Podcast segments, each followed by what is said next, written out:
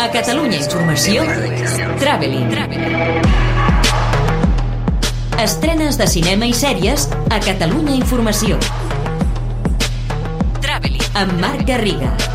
El Traveling d'aquesta setmana torna a ser especial perquè les sales estan tancades i s'han posposat totes les estrenes programades. Per tant, ens hem de centrar en les plataformes, que aquestes sí ens permeten seguir gaudint del cinema i de les sèries des de casa. You are my number one installer. And who better to train up more Gus Robertses than Gus Roberts himself? Simon Peck i el seu company de desventures Nick Frost, els responsables de pel·lícules com les de l'anomenada trilogia del Corneto, Zombies Party, Arma Fatal i Bienvenidos al fin del mundo, ataquen ara el món paranormal amb la sèrie Truth Seekers, disponible a Amazon des de divendres 30. Una comèdia absurda, com totes les anteriors, sobre uns investigadors que creuen haver descobert una conspiració per acabar amb la raça humana. Els incondicionals del seu humor els encantarà. La resta trobarà alguns gags divertits, una sèrie entretinguda i lleugera, menys enginyosa del que és habitual en ells, però que per aquestes dates de Halloween és un bon passatemps. Amazon també estrena el mateix dia el remake americà de la genial sèrie anglesa Utopia, que no millora en res l'original, disponible a Filmin, tot i tenir en nòmina John Cusack. Take your time.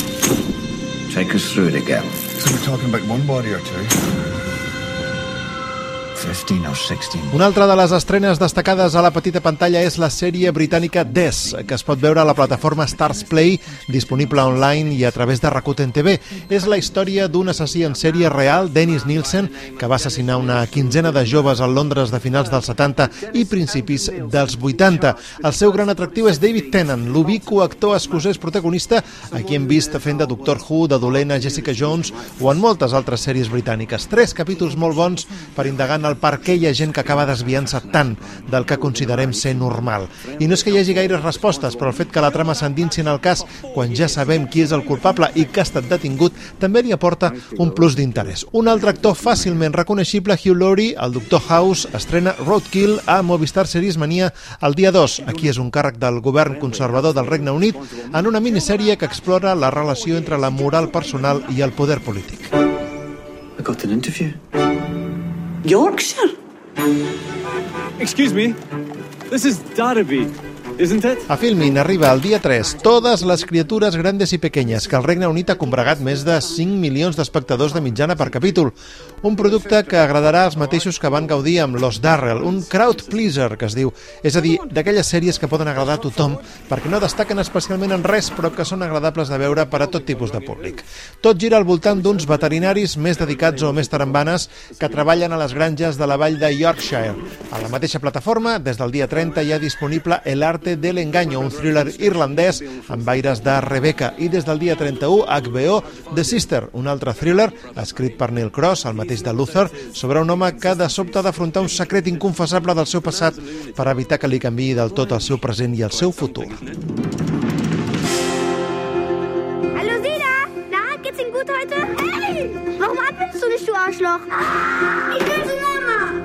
Pel que fa a llargmetratges, destaca System Crasher, que s'estrena el dia 4 a Filmin, una pel·lícula alemanya que incomprensiblement no ha arribat mai a les nostres sales. Una producció que es va endur l'Os de Plata a Berlín l'any passat, tres premis al cinema europeu, 10 nominacions de l'Acadèmia del seu país i que se centra en una nena de 9 anys que amb la seva actitud torna boig tothom i col·loca el sistema contra les cordes. Un film d'amor i fúria, honest, directe, equilibrat i que deixa empremta.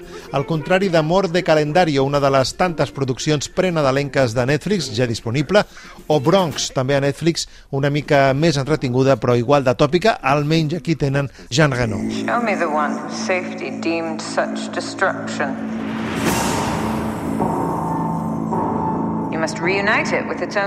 I no podíem acabar sense esmentar que ja s'ha estrenat a Disney Plus el primer capítol de l'esperadíssima segona temporada de The Mandalorian, amb el retorn del carismàtic nen, o altrament anomenat Baby Yoda, amb l'aparició estel·lar de Boba Fett i el fitxatge, entre d'altres, de Rosario Dawson com a Ahsoka Tano. Per tant, la sèrie revisita els mons coneguts de la trilogia original de Star Wars com un gran imant per als fans, però també s'erigeix com una de les millors sèries d'aventures dels últims anys. Traveling. Estrenes de cinema i sèries a Catalunya Informació, amb Marc Garriga. This is the way.